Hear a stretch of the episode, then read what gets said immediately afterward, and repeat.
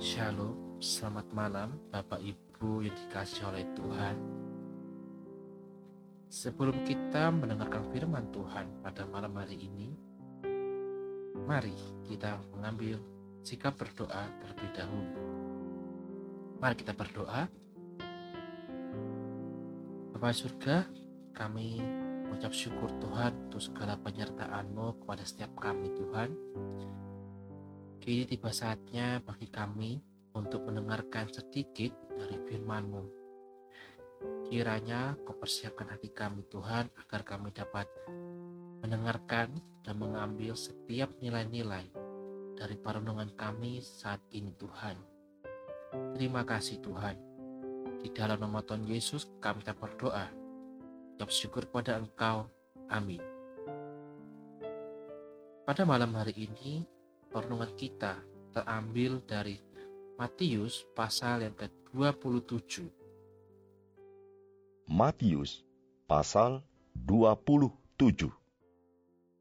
Ketika hari mulai siang, semua imam kepala dan tua-tua bangsa Yahudi berkumpul dan mengambil keputusan untuk membunuh Yesus. Mereka membelenggu dia, lalu membawanya dan menyerahkannya kepada Pilatus wali negeri itu. Pada waktu Yudas yang menyerahkan dia melihat bahwa Yesus telah dijatuhi hukuman mati, menyesallah ia. Lalu ia mengembalikan uang yang tiga puluh perak itu kepada imam-imam kepala dan tua-tua dan berkata, Aku telah berdosa karena menyerahkan darah orang yang tak bersalah. Tetapi jawab mereka, Apa urusan kami dengan itu? Itu urusanmu sendiri. Maka ia pun melemparkan uang perak itu ke dalam bait suci, lalu pergi dari situ dan menggantung diri. Imam-imam kepala mengambil uang perak itu dan berkata, Tidak diperbolehkan memasukkan uang ini ke dalam peti persembahan, sebab ini uang darah. Sesudah berunding, mereka membeli dengan uang itu tanah yang disebut tanah tukang periuk untuk dijadikan tempat pekuburan orang asing. Itulah sebabnya tanah itu sampai pada hari ini disebut tanah darah. Dengan demikian, genaplah firman yang disampaikan oleh Nabi Yeremia. Mereka menerima 30 uang perak yaitu harga yang ditetapkan untuk seorang menurut penilaian yang berlaku di antara orang Israel. Dan mereka memberikan uang itu untuk tanah tukang periuk, seperti yang dipesankan Tuhan kepadaku. Lalu Yesus dihadapkan kepada wali negeri, dan wali negeri bertanya kepadanya, Engkaukah raja orang Yahudi? Jawab Yesus, engkau sendiri mengatakannya. Tetapi atas tuduhan yang diajukan imam-imam kepala dan tua-tua terhadap dia, ia tidak memberi jawab apa pun. Maka kata Pilatus kepadanya, Tidakkah engkau dengar betapa banyaknya tuduhan saksi-saksi ini terhadap engkau? Tetapi ia tidak menjawab suatu kata pun, sehingga wali negeri itu sangat heran telah menjadi kebiasaan bagi wali negeri untuk membebaskan satu orang hukuman pada tiap-tiap hari raya itu atas pilihan orang banyak. Dan pada waktu itu, ada dalam penjara seorang yang terkenal kejahatannya yang bernama Yesus Barabas. Karena mereka sudah berkumpul di sana, Pilatus berkata kepada mereka, Siapa yang kamu kehendaki kubebaskan bagimu? Yesus Barabas atau Yesus yang disebut Kristus? Ia memang mengetahui bahwa mereka telah menyerahkan Yesus karena dengki. Ketika Pilatus sedang duduk di kursi pengadilan, istrinya mengirim pesan kepadanya. Jangan engkau mencampuri perkara orang benar itu, sebab karena dia Aku sangat menderita dalam mimpi tadi malam. Tetapi oleh hasutan imam-imam kepala dan tua-tua, orang banyak bertekad untuk meminta supaya Barabas dibebaskan dan Yesus dihukum mati. Wali negeri menjawab dan berkata kepada mereka, Siapa di antara kedua orang itu yang kamu kehendaki kubebaskan bagimu? Kata mereka, Kata Pilatus kepada mereka, Jika begitu, apakah yang harus kuperbuat dengan Yesus yang disebut Kristus? Mereka semua berseru. Ia harus disalibkan. Katanya, Tetapi kejahatan apakah yang telah dilakukannya? namun mereka makin keras berteriak. Ia harus disalibkan. Ketika Pilatus melihat bahwa segala usaha akan sia-sia, malah sudah mulai timbul kekacauan, ia mengambil air dan membasuh tangannya di hadapan orang banyak dan berkata, Aku tidak bersalah terhadap darah orang ini. Itu urusan kamu sendiri. dan seluruh rakyat itu menjawab, Biarlah darahnya ditangguhkan atas kami dan atas anak-anak kami. Lalu ia membebaskan Barabas bagi mereka, tetapi Yesus disesahnya, lalu diserahkannya untuk disalibkan. Kemudian, serdadu-serdadu wali negeri membawa Yesus ke gedung pengadilan, lalu memanggil seluruh pasukan berkumpul sekeliling Yesus. Mereka menanggalkan pakaiannya dan mengenakan jubah ungu kepadanya. Mereka menganyam sebuah mahkota duri dan menaruhnya di atas kepalanya, lalu memberikan dia sebatang bulu di tangan kanannya. Kemudian mereka berlutut di hadapannya dan mengolok-olokkan dia, katanya, Salam, hai Raja orang Yahudi. Mereka meludahinya dan mengambil bulu itu dan memukulkannya ke kepalanya. Sesudah mengolok-olokkan dia, mereka menanggalkan jubah itu daripadanya dan mengenakan pula pakaiannya kepadanya. Kemudian mereka membawa dia keluar untuk disalibkan. Ketika mereka berjalan keluar kota, mereka berjumpa dengan seorang dari Kirene yang bernama Simon. Orang itu mereka paksa untuk memikul salib Yesus. Maka sampailah mereka di suatu tempat yang bernama Golgota, artinya tempat tengkorak. Lalu mereka memberi dia minum anggur bercampur empedu. Setelah ia mengecapnya, ia tidak mau meminumnya. Sesudah menyalibkan dia, mereka membagi-bagi pakaiannya dengan membuang undi. Lalu mereka duduk di situ menjaga dia, dan di atas kepalanya terpasang tulisan yang menyebut alasan mengapa ia dihukum. Inilah Yesus, Raja orang Yahudi.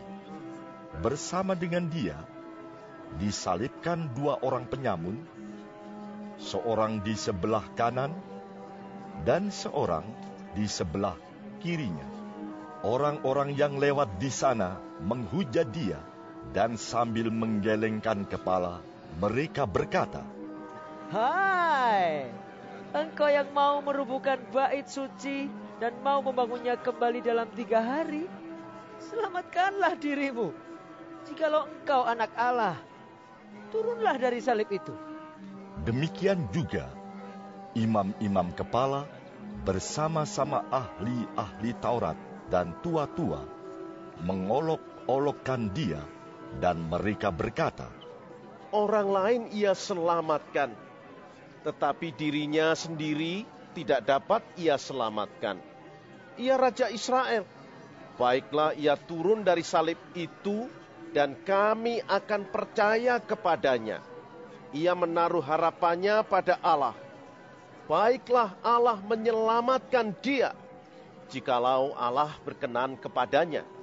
Karena ia telah berkata, Aku adalah anak Allah. Bahkan penyamun-penyamun yang disalibkan bersama-sama dengan dia mencelanya demikian juga. Mulai dari jam 12, kegelapan meliputi seluruh daerah itu sampai jam 3. Kira-kira jam 3, berserulah Yesus dengan suara nyaring. Eli, Eli, lama sabachthani.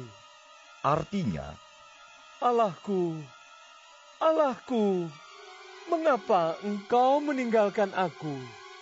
Mendengar itu, beberapa orang yang berdiri di situ berkata, Ia memanggil Elia. Dan segeralah datang seorang dari mereka.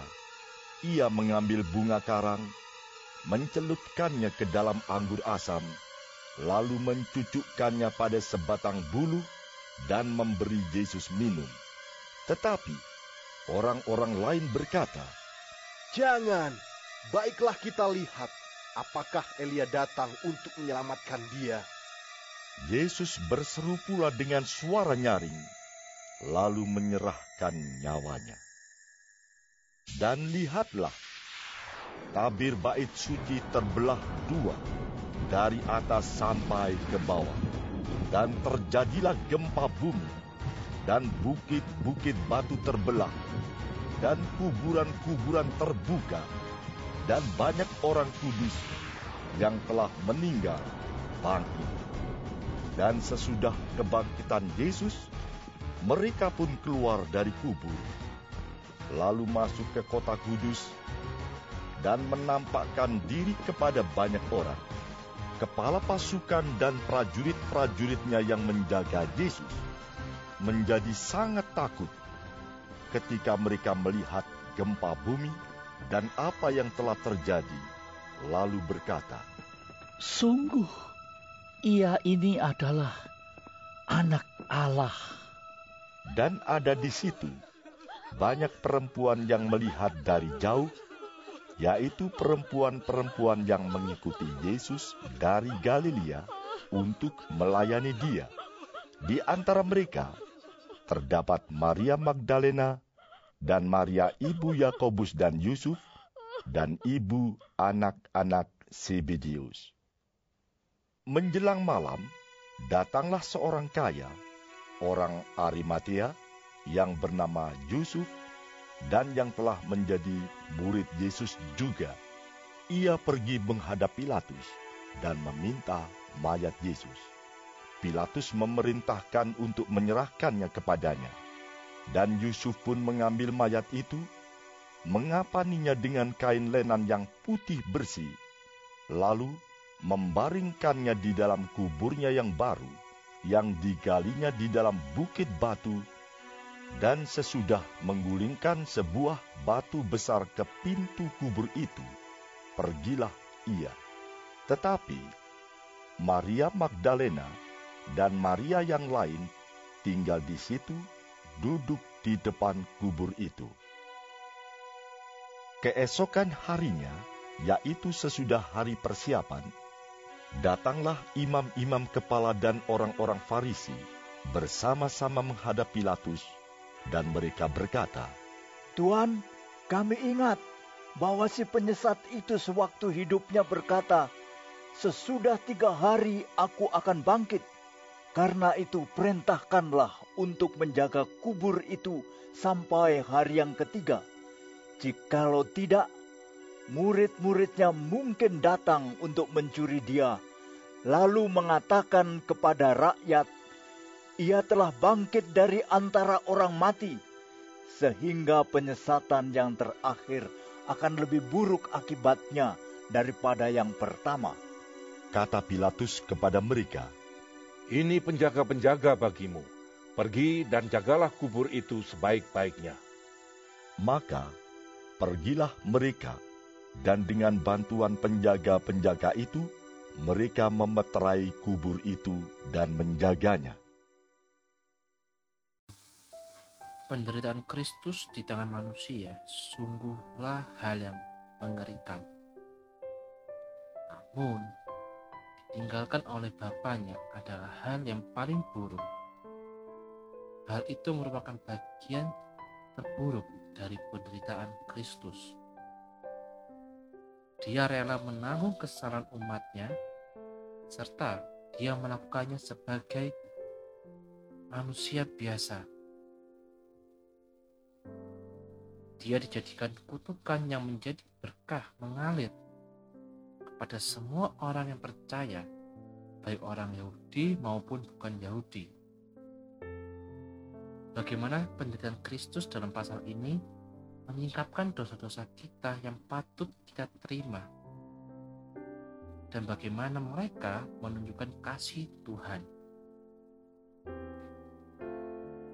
Kitab suci telah menubuatkan banyak aspek penderitaan Kristus. Kematiannya sungguhlah hal yang menakjubkan serta merupakan pengakuan kesetiaan Allah terhadap janji-janjinya. Namun kebanyakan orang yang hadir pada saat itu tidak mengetahui hal lain daripada penderitaan manusia di atas kayu salib.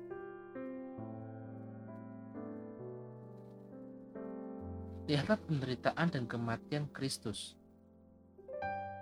Pernah kita merasa dengan iman bahwa diri kita telah terkoyak-koyak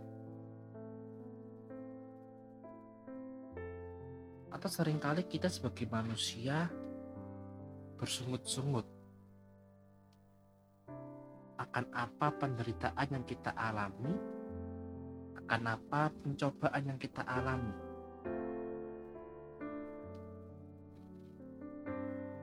Dari perenungan hari ini kita dapat melihat bahwa Kristus mengajarkan dua hal yang penting pada setiap kita. Yang pertama dia mengajarkan bagaimana kita manusia